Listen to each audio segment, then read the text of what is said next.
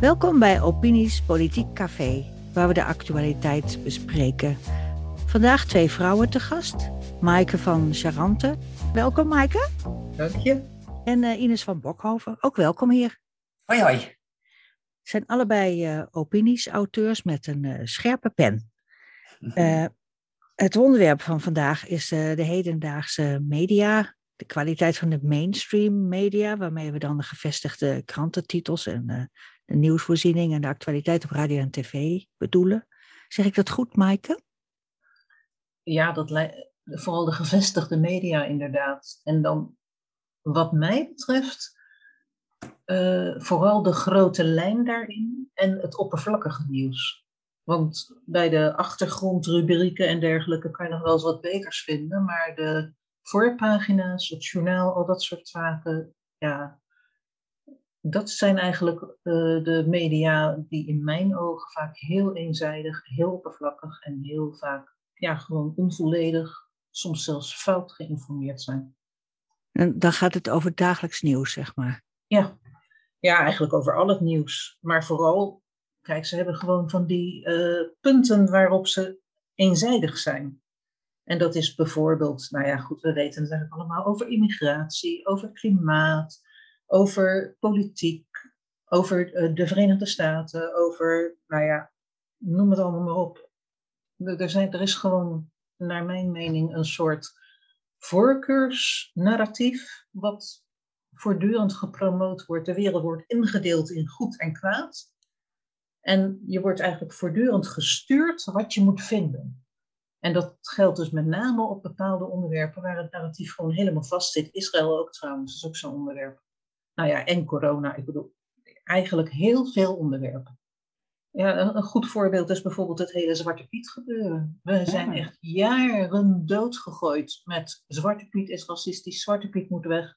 Toen ze ermee begonnen een jaar of 10, 12 geleden, toen was geloof ik 90, 95 procent van de bevolking nog helemaal voor Zwarte Piet. Nou, het is gewoon, de, het enige wat aan bod kwam was dat Zwarte Piet niet deugde. En uiteindelijk hebben ze het nu zover dat het draagvlak terug begint te lopen, omdat mensen het moe zijn. Maar ja, dat is puur een, een media-offensief geweest. Ja. Heel erg natuurlijk aangestuurd, voor mijn gevoel ook, vanuit bepaalde politieke kringen. Maar het is heel raar dat wat een heel kleine meerderheid van de bevolking wil, zo lang, zo prominent een platform krijgt. En dat is geen berichtgeving, dat is niet opinievorming, dat is het doordouwen van een mening. Mhm. Absoluut absoluut. Ja. Ja, Ines, je, had het, je hebt het in een van je artikelen over de verwrongen werkelijkheid van de media. Hm.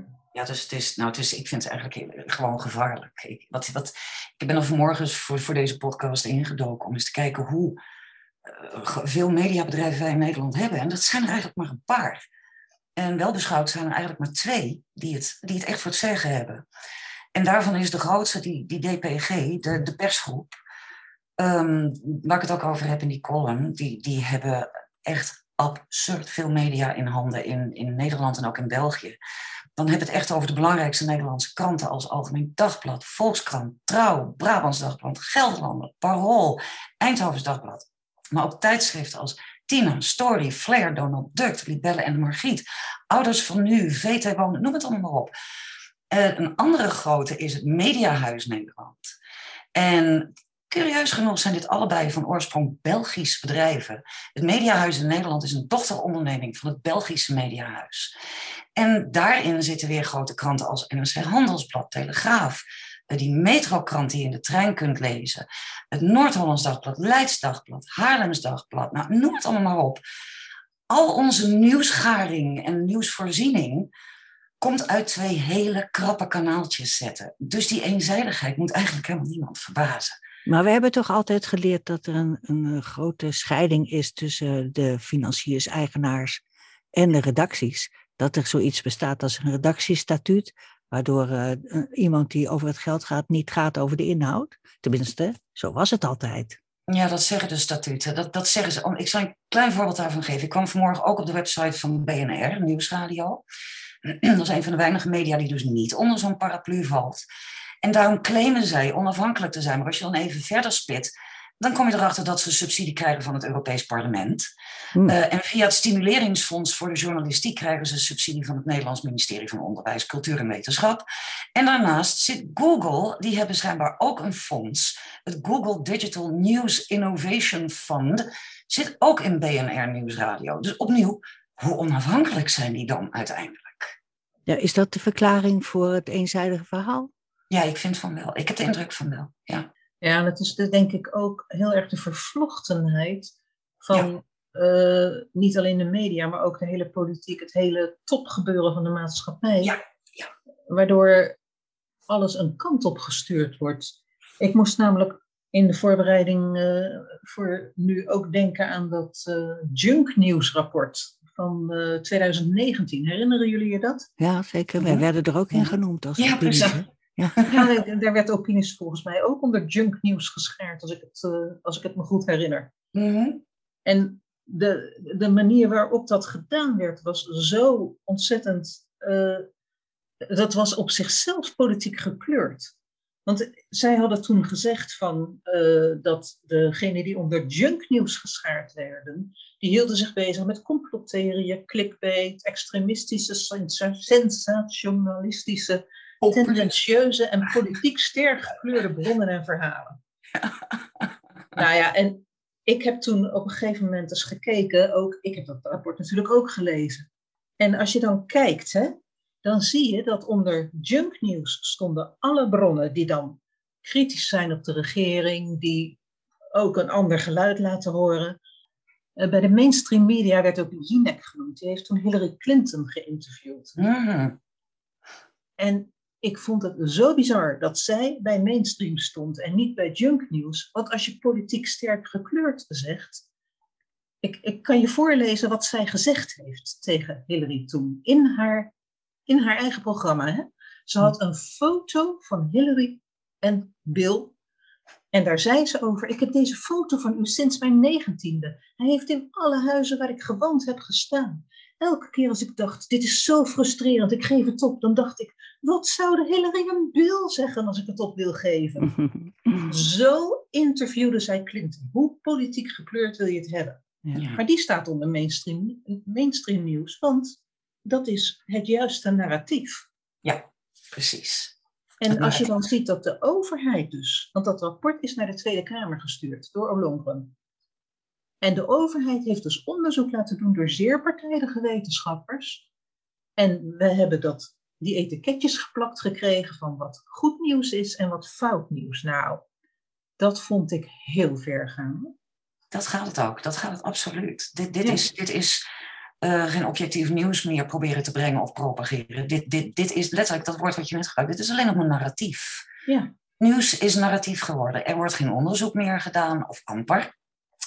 Als er onderzoek wordt gedaan, wordt er meestal naar een uitkomst toegewerkt. In weerwil van heel veel feiten. Het, het, het is een narratief. Het, het, en nogmaals, volg het geld en volg de investeerders.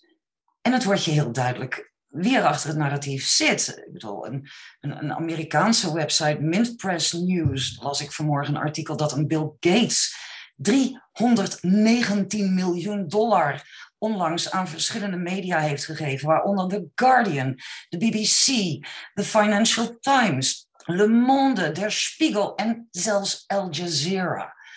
Ik bedoel, de hele wereld krijgt dus inderdaad de verplichting op die manier om hetzelfde narratief te gaan vertellen. ja en, en de, diezelfde eh, grote mediafiguren, die censureren nieuws wat ze niet uitkomt. Zoals voor de Amerikaanse verkiezingen dat de New York Post twee weken lang niet bij het eigen account kon. En dat dat artikel van hun over Hunter Bidens laptop, Hm, dat mocht niet in het nieuws komen. Dat Nee, was loepzuivere verkiezingsbeïnvloeding. Nou is Ik dat heb, natuurlijk eh, de Verenigde Staten hoor, maar het is in Nederland, ja, als je ziet wat de Nederlandse media doen, die schrijven bijvoorbeeld alleen maar over van een bepaalde richting in de Verenigde Staten, Ja. maar niet, ze doen geen enkel onderzoek naar de feiten en zelfs als je ze de feiten onder hun neus wrijft, nemen ze ze nog niet over. Nee, klopt. Jouw, jouw, jouw stuk over die Carl Rittenhouse is daar een heel erg pijnlijk voorbeeld van. Ja, heel pijnlijk. Hoe, hoe heel veel media ijskoud volhielden, nu nog steeds, dat de slachtoffers zwart waren bijvoorbeeld. Ja. Ja, dat hij met, zijn, met een illegaal wapen over de staatsgrenzen heen ging. Het ja. is gewoon bewezen niet waar. maar ook hoe mensen op Twitter daarop reageren. Hè? Dus gevoed door die eenzijdigheid zat ik gisteren in een discussie met een vrouw van... daar staat een knul met een, een automatisch wapen op straat en dat vind je toch niet normaal? Waarop ik tegen haar terug zei, heb je de context gezien van hoe die daar stond? Al dat andere geweld om hem heen... Dat was haar dus niet opgevallen, want dat is het geweld waarvan de media zeiden. Dat is nodig, dat is gerechtvaardigd, dat is emotioneel hè, gefundeerd en noem maar op. we worden zo gestuurd, het is verschrikkelijk. Ja. Wat is in, in jullie ogen de belangrijkste taak van uh, journalistiek? Feiten brengen, objectiviteit, onderzoek doen. De waakhond van de samenleving zijn, dingen signaleren en, en ze onder de aandacht brengen en vragen stellen. Mensen aan het nadenken zetten. Kun je dat nog aanvullen, Maaike? Ja, en ook denk ik wel verschillende stemmen aan het woord laten, maar ook het debat stimuleren. Er is geen debat. Nee. Er wordt echt steeds, wat ik ook een heel sprekend voorbeeld vond. De boeren. Die mm. zijn gewoon de boosdoeners. Ja. En op een gegeven moment, er kwam een rapport uit van eh, echt een hele zwik natuurorganisaties. Even kijken, dat was in februari vorig jaar. En dat was echt zo'n rapport van de natuur gaat kapot en het is de schuld van de boeren. Het werd één op één overgenomen in alle nieuwsmedia die ik kon vinden. En ik heb gezocht hoor. Alsof het gewoon allemaal feiten en waarheid waren. Ja. Nou, er stonden heel veel dingen in dat rapport. Ik natuurlijk weer een artikel daarover. Die gewoon niet klopten. Ja. Maar dat valt in vruchtbare aarde.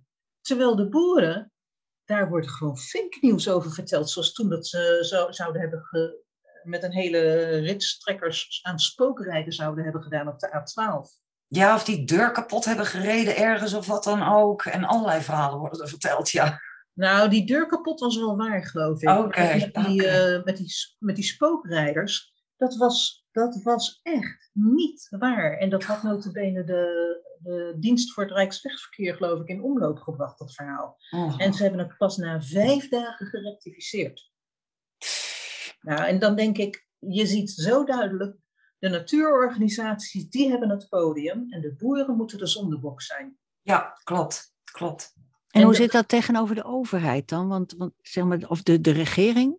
Zijn, wordt het verhaal van de regering ook verteld? Of, of uh, gaat het over milieuorganisaties? Ik denk de regering heeft natuurlijk ook zijn lievelingsnarratieven. Mm en dat de boeren niet deugen is een lievelingsnarratief. Ja, willen de boeren af.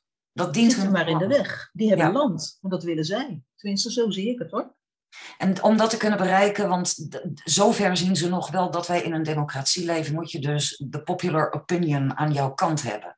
Ja, je moet draagvlak creëren. Precies. En ja, als je dat dus niet lukt met feiten, omdat de feiten op zich niet genoeg voor zich spreken, omdat die feiten niet overtuigend genoeg zijn, en dan moet je het over een ander boeg gooien. Dan, dan kom je uiteindelijk terecht, want dat is wat het is, bij psychologische manipulatie. Want dat is wat je doet als je mensen volpropt met leugens en ze de kans niet geeft om zelf kennis te nemen van de feiten. Dat is keiharde manipulatie. Is dat een nieuwe taak van de journalistiek misschien? Dat het draagvlak creëren is?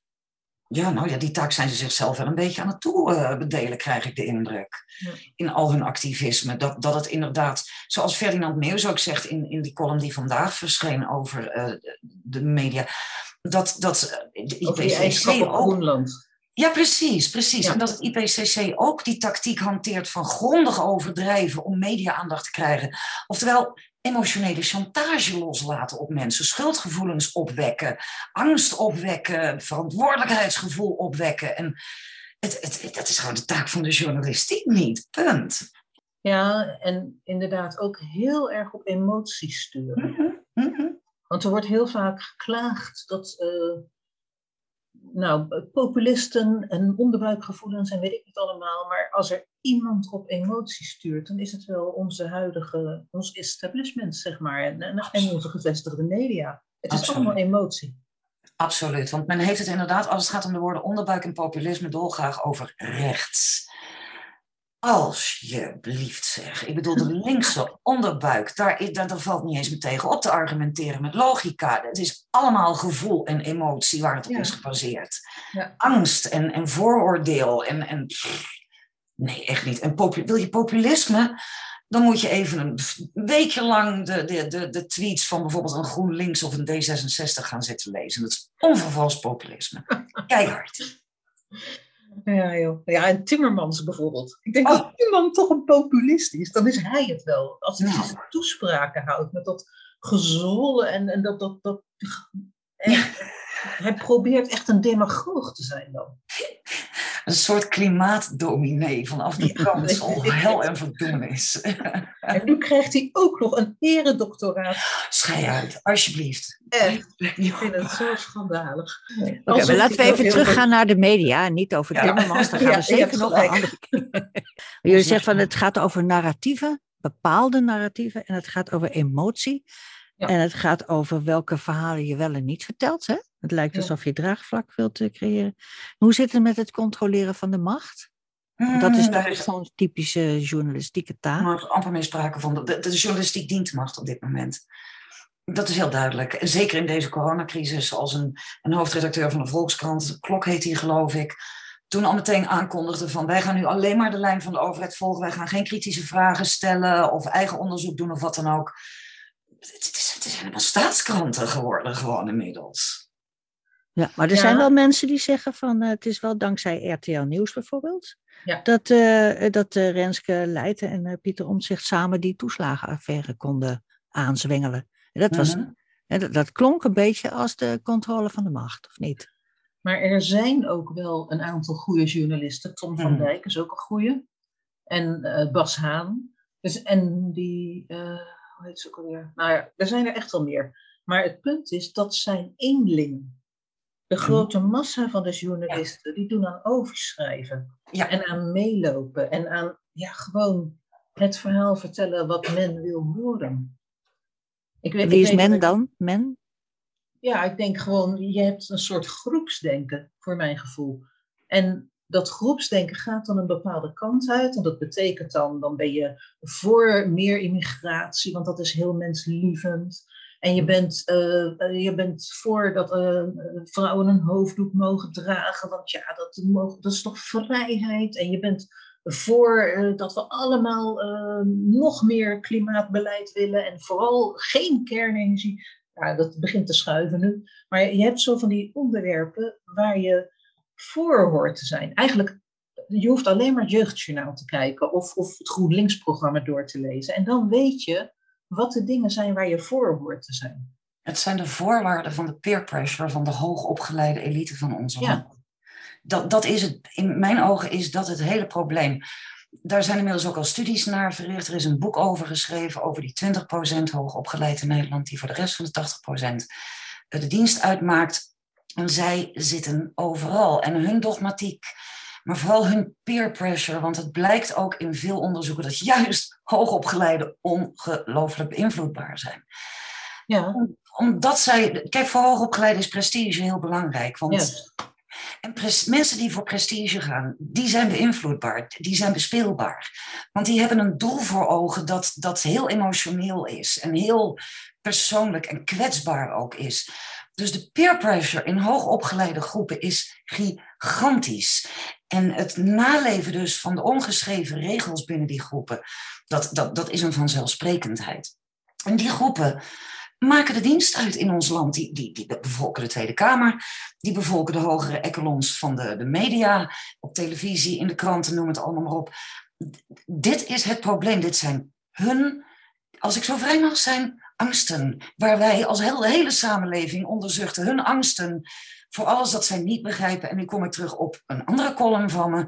Die linkse bubbel waar deze mensen in zitten. En als het niet binnen hun bubbel past, dan vervult het ze blijkbaar zodanig met angst dat het, het moet gewoon kapot, het moet weg, het, het, het mag niet bestaan. Het, het, en dat is letterlijk wat wij nu ook merken in de media. Dat ene narratief is prima en de rest bestaat gewoon niet. Dat bestaat niet. We doen gewoon net alsof dat er niet is, punt. Maaike, ben je het eens met die analyse dat het eh peer group eh, dwang, ja, wel of hoe heb je het genoemd? peergroep. Of ze nou zo bang zijn, weet ik niet. maar heel erg van je hoort iets te vinden en je wilt niet buiten de groep vallen. En bovendien, heel vaak uh, worden zij zelfs niet geraakt door de gevolgen van waar zij voor kiezen. En dat, dat is een hele goede van je. Ja, ja want de schade wordt gedaan aan de gewone mensen. Ja. Uh, immigratie is daar een goed voorbeeld van. Die mensen die zo uh, edel over migranten doen, ja, dan kunnen de BN'ers in de praatprogramma's wel roepen van uh, ik stel me beschikbaar, maar ze stellen zich niet beschikbaar. Nee. Ze weten donders goed dat zij de rekening niet krijgen. Die ja. AZC's komen niet bij hun in de straat. En de Ja. vluchtelingen die komen uiteindelijk in de arme wijken terecht, niet Ja. in hun wijken. Ander goed voorbeeld vind ik ook de oproep van, eh, van Engelshoven en andere hooggeplaatste vrouwen om de quota Ja. voor hoogopgeleide vrouwen omhoog te schroeven. Waarom niet ook voor laagopgeleide vrouwen? Praktisch opgeleid heet dat. Sorry, neem me niet kwalijk, praktisch opgeleide vrouwen. Nee, je hebt gelijk, je hebt absoluut gelijk. Want dat, dat, dat vind ik echt een veel betere term. Ik ben niet zo van het miezenmauzen over woorden, maar dat Hmm. vind ik inderdaad wel echt een betere term. Ja, klopt. Maar we hebben het nou dus over de hele samenleving, over eh, de elite in die samenleving misschien. Maar in hoeverre re- vind je dat terug in de media dan? Want een journalist is toch niet iemand die in een villa-wijk woont, of wel? Nee, dat wil wel wonen. erbij wil horen, denk ik. Precies. Hij wil wel in die villa-wijk wonen. Hij hoopt ooit redacteur, hoofdredacteur te worden en dan dus in die villa-wijk te kunnen wonen. Maar wat Sorry, is het verschil met. Ik, ik val je even in de reden hoor, maar ik ben even op zoek naar. Van, wat is het verschil met zeg maar 20, 30 jaar geleden? Toen wilden mensen ook wel, journalisten wilden ook wel eh, Ik denk, omhoog op de ladder. En, 30 jaar geleden was de macht van links nog niet zo groot. Had links veel meer nog om voor te knokken en kritisch over te zijn. Inmiddels heeft links vrijwel alle touwtjes in handen. En duldt men dus gewoon simpelweg geen kritiek meer. Punt. Dat, sorry, maar dat is hoe ik het zie. Ja, ik weet niet of dat links is. Eerlijk gezegd zie ik dat altijd meer als establishment onder de vlag van links. Want Nou, het vooruit. echte links, zoals bij de SP, is ook ongewenst. Mee eens. Ja, klopt. Ja. Mee eens. Goed punt. Maar het is gewoon... establishment dus. Dat, establishment heeft dan ook de journalistiek overgenomen. Ja. Moeten we het zo zien? Ja, maar ik denk ook, vroeger had je veel meer eh, een soort waardering in de hele maatschappij voor vakmanschap. Mhm. Dus zowel eh, voor een goede timmerman en een goede loodgieter, als ook voor een goede journalist. Ja. En een zekere mate van integriteit. Je had vroeger, misschien heeft het met de secularisatie te maken, ik lastig om te zeggen, maar je had toch heel erg dat moraal en ethiek, dat moest je leidraad zijn. Ja, en tegenwoordig is er vooral bewondering voor mensen die vinnig zijn en zo ver mogelijk weten te komen op die vinnigheid. Ja, mensen die Die handig en behendig zijn, zoals Mark Rutte. Ja, nou, Daar is ja. bewondering voor. Terwijl als je, als je kijkt naar wat heeft Mark Rutte nou aan ethiek of visie, niks. mag ik lachen? Mag ik even heel hard lachen, alsjeblieft? Ja. Maar ja, dat, dat, en dat alleen maar eh, schrijven om eh, te verdienen, om erbij te horen, om een baantje te hebben. Ik heb het idee dat bij heel veel journalisten hun hart er niet in zit. Nee, nee. De journalisten waarbij het hart er wel in zit, zoals Pieter Klein, Tom van Dijk, nou, die mensen waar we het net over hadden, Mhm. die doen andere dingen. Die vechten wel tegen de bierkaai. Want die hebben nog idealen. Follow the Money vind ik ook een website. Is dan nog even een website, niet papier. Waar ook, mm, voor zover ik kan zien, nog echte journalisten werken. Die echt bereid zijn tot op de bodem te gaan met hun onderzoek. En zich niet laten leiden door hun eigen voorkeuren, maar gewoon de feiten boven tafel willen hebben. Ik heb een behoorlijke bewondering voor die website. Ja, ik weet dat eh, Kim van Keken en eh, hoe heet ze ook alweer? Die ik ben de naam even kwijt. Dat die ook eh, heel veel grote onderzoeken toen gedaan hebben. Ook voor. Follow the Money volgens mij. Ook naar de. Eerste Kamer en zo. Naar al die Ja. lobbyisten. Geweldig. Echt heel Ja. goed. Heel goed. Maar die mensen worden toch ook betaald? Nou, als je dan wel eens eh, eh, op Twitter langs ziet komen dat die mensen gewoon bijvoorbeeld per woord betaald worden en dat dat dan een ongelooflijk laag bedrag is. Hmm. het schijnt toch echt geen vetpot te zijn hoor. Ik denk dat je wel een idealist zijn om de waarheid te willen vertellen als journalist. En maar daar denk- zie ik niet het verschil met vroeger. Dat, dat was vroeger, werd je ook niet rijk van journalistiek, denk Ja, maar tegenwoordig zie ik vooral veel journalisten die allemaal hopen inderdaad of op een hoofdredactieschap of een talkshow, weet je wel. Ze willen allemaal Jinek worden. Het is allemaal heel erg ik en mijn carrière en niet meer welk vak beoefen ik nou en hoe ga ik daarmee om.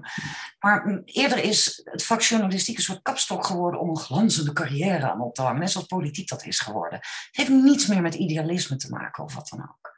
Ja, ik weet het niet. Er zit ook volgens mij wel een stuk sturingen van bovenaf, waardoor de goede mensen niet bovenkomen. Want Ja. denk even aan uh, Fidan Ekis. Die, had toen, eh, die was toen in de vooravond met uh, Renze Klamer. En dat was een zeldzame opleving van kwaliteit. Ja, En die werden er afgehaald, want Ja. eh, ze, hadden, ze misten de urgentie of weet ik veel. Nou, ze Ja. hadden net zo goed in neonletters kunnen zeggen: deze mensen verkondigen de verkeerde mening. Ze, Ja. ze behandelen de verkeerde onderwerpen. Want wat er voor in de plaats kwam, nou ja, goed, ik, ik weet niet eens wie het zijn. Ja, ik, als ik goed nadenk misschien wel. Maar het is overduidelijk dat deze de talkshow gestopt werd, omdat men eh, in de hogere regionen van de NPO er niet blij mee was. Ja. Dus dat zegt ook heel veel. Ja, helemaal mee eens. Absoluut. Ja, dat was dan ook echt heel triest. Want daar gebeurde eindelijk echt eens een keer wat in die show. Daar kwamen dingen los, daar kwamen mensen aan het woord. Ja, er gebeurden dingen. En er Ja, werden meningen in verkondigd die niet eh, eh, allemaal langs hetzelfde stramien liepen. Maar wat je ook zegt, het wordt inderdaad gestuurd van bovenaf. Dat schrijf ik op een gegeven moment in mijn column van, van zondag ook. Die ehm, DPG-mediagroep, die wordt dus gerund door nota bene een familie. Het is niet eens een, een raad van commissarissen of een directie met verschillende mensen. Het is één familie.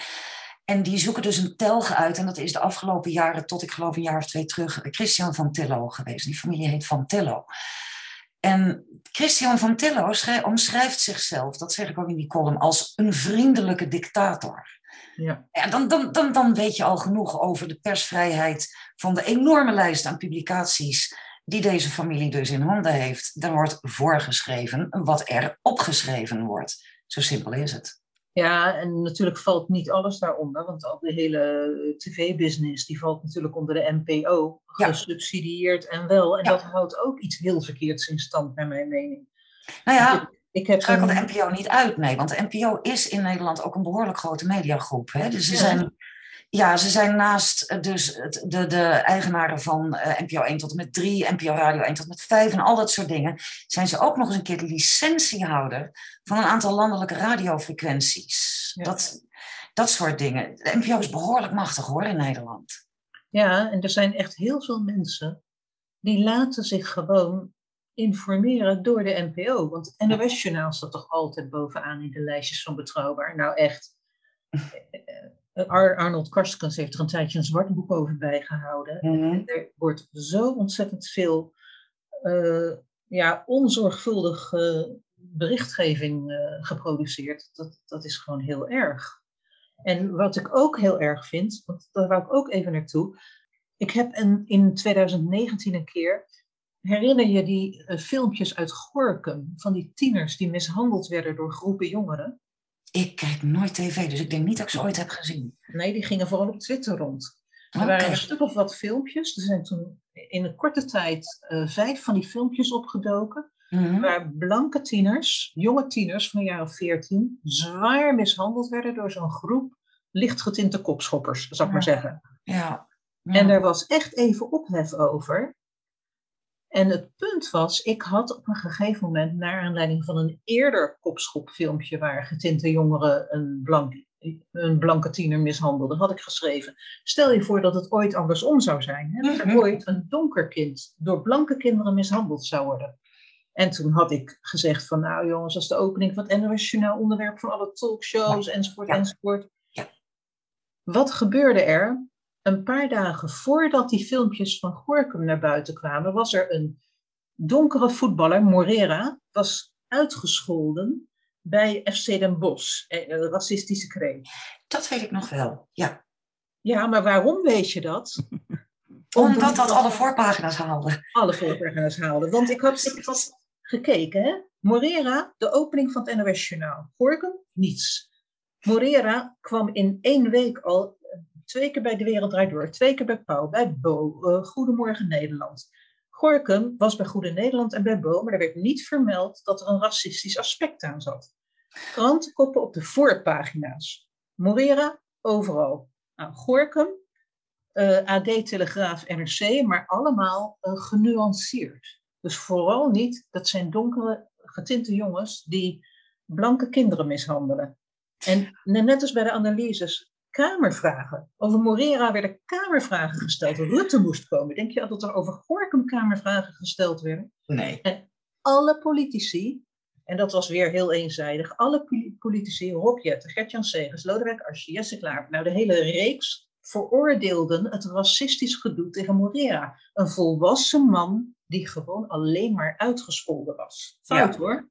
Maar dat was wat er gebeurde. Ja. Terwijl vijf tieners die stuk voor stuk gepakt waren door diezelfde gang van getinte jongeren en echt zwaar mishandeld waren. De beelden gingen het hele internet over.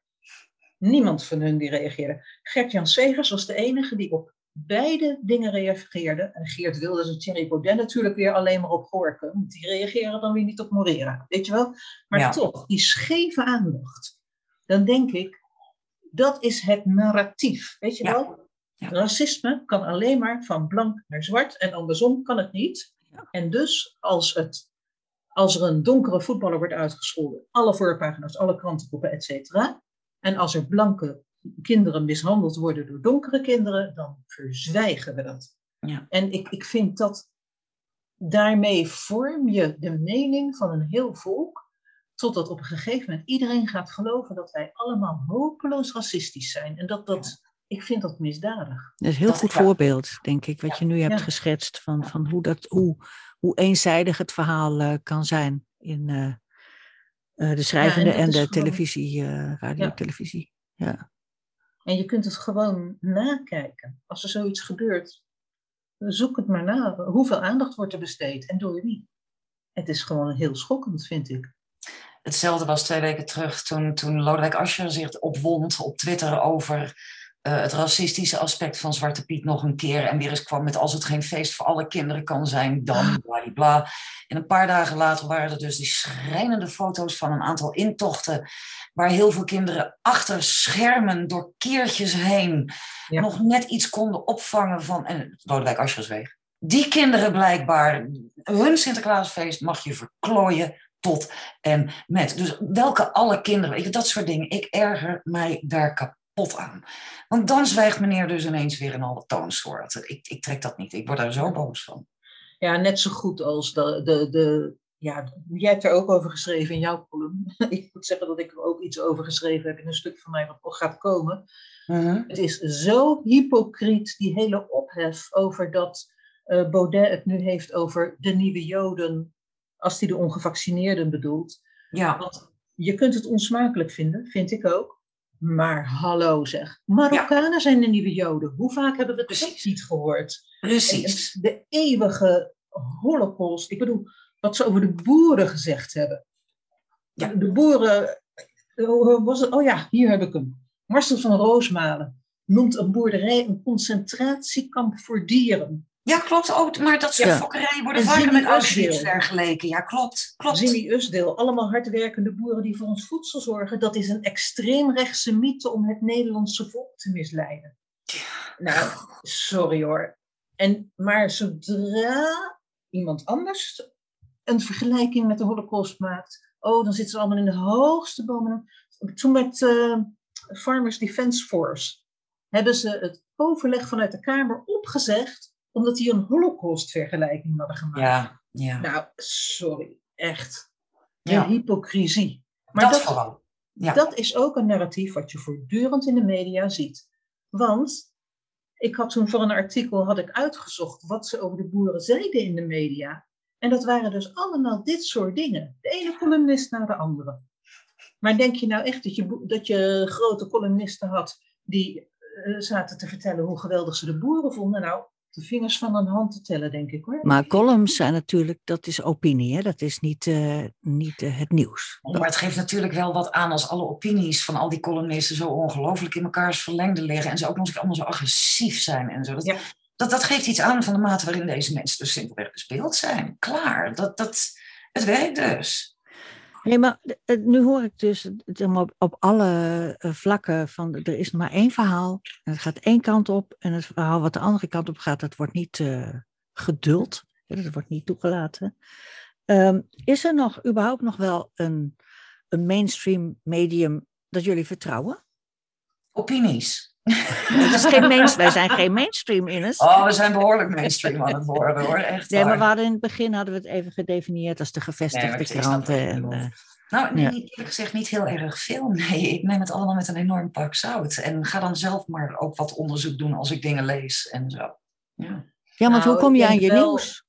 Soms heb je goede artikelen, maar dat zijn enkelingen in Precies. de mainstream media. Precies. Ja. En eh, weet je, ze kunnen het ook wel eens een keertje goed hebben, maar ja, je kunt er niet op vertrouwen. Nee. Ik weet dat ik me ook zo boos gemaakt heb op een gegeven moment een keer.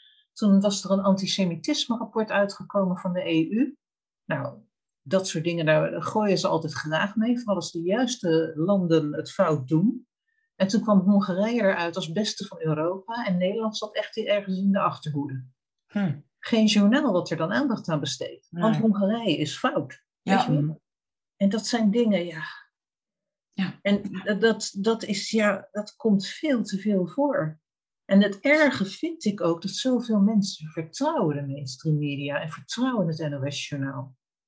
Echt, ik, ik had van de week nog iemand die gewoon, want die had dat eh, over het verhaal van Kyle Rittenhouse. Van ja, maar ik weet, ik weet, ik informeer me goed, ik lees de kranten, ik kijk het journaal en ik weet gewoon dat wat u hier vertelt nonsens is. Nou, je kan aankomen met bewijsmateriaal tot je Ja. weegt. Het heeft Ja. gewoon geen zin. Ja, nou, het is grappig dat je dat zegt, want ik heb jaren terug gehoord, zeker een jaar of tien terug, op YouTube een eh, lezing gezien van een FBI-agent. eh, die zich inderdaad, die, die probeerde uit te leggen hoe sommige mensen, zelfs met bewijsmateriaal voor hun neus, niet te overtuigen zijn. En daarvoor gebruikte hij de, moord op Kennedy. En het feit, hij hing dus wel eh, de, de uitleg aan dat het Oswald is geweest en niet meerdere schutters. Maar in principe doet dat er niet toe. Hij zei, ik, ik heb daar overtuigend bewijs voor. En als je dan met mensen in discussie bent en je neemt ook echt de moeite om dat bewijs neer te leggen en het aan te wijzen, kijk, hier staat het en bla bla. En, en dan nog zegt hij, je komt er niet doorheen. Eh, eh, het blijkt gewoon elke keer opnieuw dat mensen een stuk minder rationeel zijn dan wij onszelf graag wijsmaken. Die onderbuik, dat woord, daar, daar reageren wij zo oneindig veel meer op dan op onze ratio. En juist op die onderbuik spelen de media op dit moment heel erg in. Ja. ja, en de politiek speelt daar een hele kwalijke rol in, vind ik. Zeker. Zoals bijvoorbeeld dat eh, Hugo de Jonge op een gegeven moment begonnen over de pandemie van de ongevaccineerden. Mm, mm. Maar hij krijgt daar ook een podium voor. Ja. Want ik heb op een gegeven moment ook eens gelezen wat Annelies Strikkers schreef aan kritische vragen voor de persconferentie. Er zaten uitstekende vragen bij. Maar als je dan kijkt wat er dan gevraagd wordt, dan is dat ja, toch vaak zo eh, weinig kritisch en weinig doorpakken. Een enkele keer wel hoor, maar heel vaak kan hij gewoon maar alles roepen. Ja. En dan denk ik, waar is de kritiek op de macht? Hm. Het lijkt of ze, hard, ze, ze controleren de oppositie harder dan dat ze de macht controleren. Maar een van de problemen waar vooral politieke journalisten tegen oplopen, heb ik vaak gelezen, is dat wees heel kritisch. Je krijgt geen interview meer. Wees heel kritisch en je mag geen vragen meer stellen bij een persconferentie. Je wordt achteraan geplaatst. Je wordt gestraft als politiek journalist als je kritisch bent. Dan gaat men je dus letterlijk belemmeren om je werk goed uit te kunnen voeren. Ja. wat moet je dan? Ja, persoonlijk denk ik, ik hoef geen plek bij een persconferentie. Ik sprokkel mijn informatie bij elkaar en ik blijf kritisch. Maar ik snap wel, als parlementair journalist, dan wil je die politici spreken. Ja, ja, en dan moet je ze dus te vriend houden blijkbaar. Want strijk ze een keer tegen de haren in en de deur gaat dicht en je krijgt ze niet meer te spreken. Dan zoeken ze wel een ander die wel bereid is het narratief voor hun uit te dragen. Ja, en dan kan je hooguit, net zoals Tom Staal eh, van Geen Stijl, wel eens een keer met je microfoon eh, eh, daar klaarstaan en een snel interviewtje hebben. Maar meer dan dat krijg je niet los. Nee, meer dan dat krijg je niet los. Nee, geen Aan de stel andere kant heb je meer nodig dan dat. We kunnen Ja. allemaal zien wat er in de Kamer besproken wordt. Dat, Daar is, dat in. zou genoeg moeten zijn. Daar zit wat in. Dat kunnen we tegenwoordig wel. Dat was vroeger niet zo, maar dat kunnen we tegenwoordig inderdaad wel. We kunnen elke vergadering volgen, live. Dus Ja. ja, dat is waar.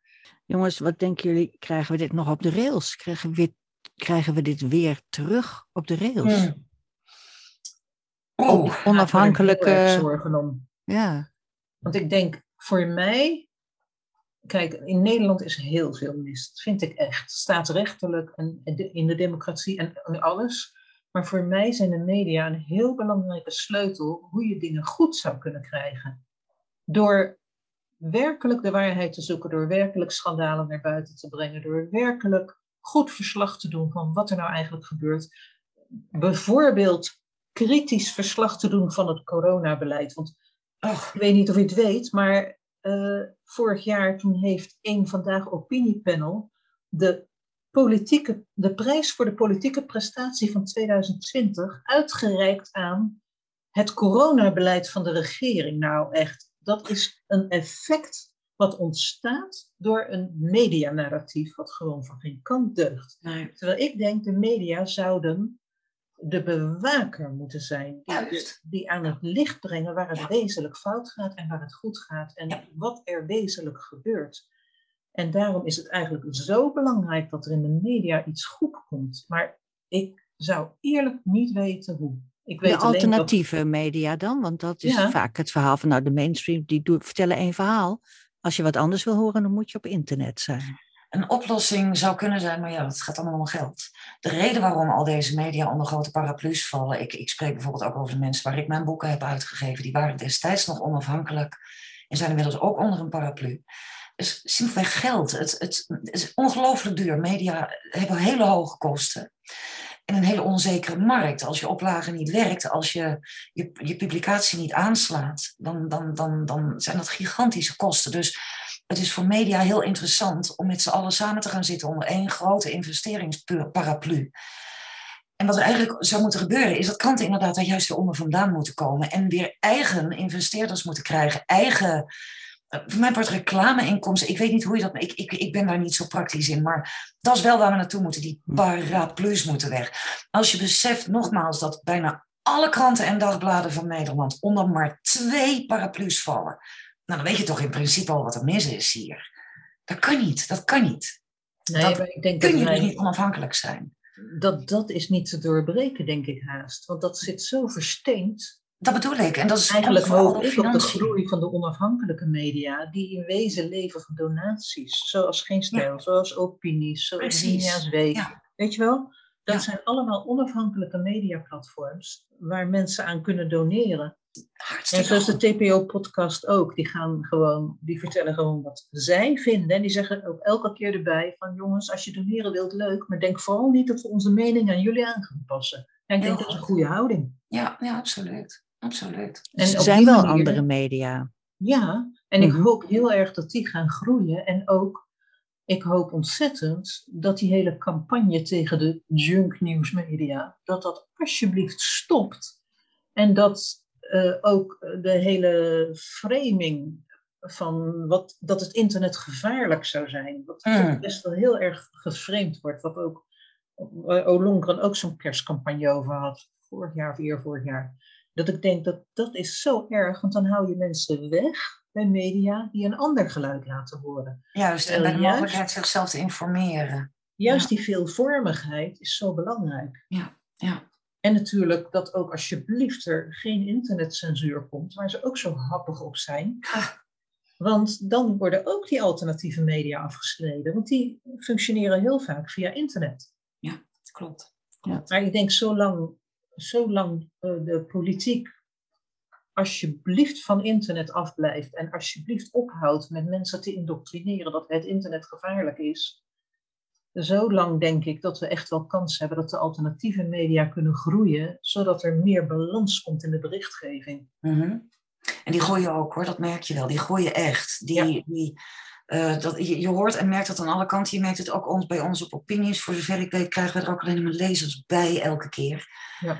Eh, er is duidelijk vanuit het publiek een onvrede aan het ontstaan en een honger naar andere informatie. Want het begint wel steeds meer mensen duidelijk te worden dat hoe harder mensen schreeuwen over diversiteit, ja. hoe harder die mensen menen, jij moet mijn mening aanhangen, jij moet mijn kijk op zaken overnemen. En dat is, dat is weer zo'n narratief illusie om dan te zeggen, dit is diversiteit. Nou, dat is het dus krek niet diversiteit. het is geen diversiteit van meningen. Nee. nee. Diversiteit nou, is, is, is dat bij Jinek letterlijk alle stemmen aan bod komen. En niet één persoon die dan meteen vier bullies tegenover zich krijgt die hem onder de tafel proberen te schoffelen. Weet je wel? Dat, dat, dat is geen diversiteit. Ja. Dat is onderbuik. Dat is onderbuik. Ik snap ook niet dat ze het debat niet aandurven. Nee. Als je toch de betere argumenten hebt, dan wil je toch in debat. Als je zo overtuigd bent daarvan, dan, dan verwelkom je toch een debat om je argumenten te kunnen gebruiken, om Ja. anderen te kunnen overtuigen. Dat, Ja. dat is waarom ik Hey jongens, ik probeer jullie op een positief spoor te brengen door over internet te praten. over Jinek. Nou? Nee, maar ik geloof echt wel. Ik, ik, ik heb mijn hoop een beetje gevestigd op de alternatieve media. Ik ook. En inderdaad, dat gewoon dat andere geluid op het internet kan groeien, Ja. zodat mensen breder geïnformeerd raken. Ik denk dat Geen Stijl wat dat betreft een hoop goed werk gedaan heeft al in, de, in het verleden. Ja. En eh, er zijn gelukkig steeds meer eh nou, opiniesites bijgekomen. Dus Mhm. eh, Daar moeten we misschien onze hoop op eh, vestigen. Die moeten wij koesteren, die sites. Echt waar, die moeten Ja. wij koesteren. Ja. Jongens, het wordt tijd om dit gesprek eh, af te ronden. Het, het, grootste probleem is de eenzijdigheid waar jullie het over hebben gehad. Zowel op televisie als in eh, de kranten. En het internet zou een goed, eh, een goed tegenwicht kunnen bieden daarin. En dat is een belangrijke Nou ja, zou constatering. lijkt me. moeten zelfs, vind ik. Echt waar, dat tegenwicht, dat is waar de media voor zijn. Dat is de kern van wat zij horen, zijn, horen Ja. te zijn. Ja. Blijf Ja. erbij. Dat is het debat, waarin de waarheid uiteindelijk Exact. overblijft, hopelijk. Letterlijk dat wat jij nu zegt, Maaike. Letterlijk dat. Mooi gezegd. Nou, jongens, hartelijk bedankt. Het was een fijn gesprek. Hartelijk bedankt voor allebei voor jullie eh, bijdrage daaraan. Graag gedaan. Jorien. Dit was de podcast van Opiniescom. Opinies met een Z. Voor de nieuwste bijdragen en columns over politiek en maatschappij in binnen- en buitenland. Het is helemaal gratis.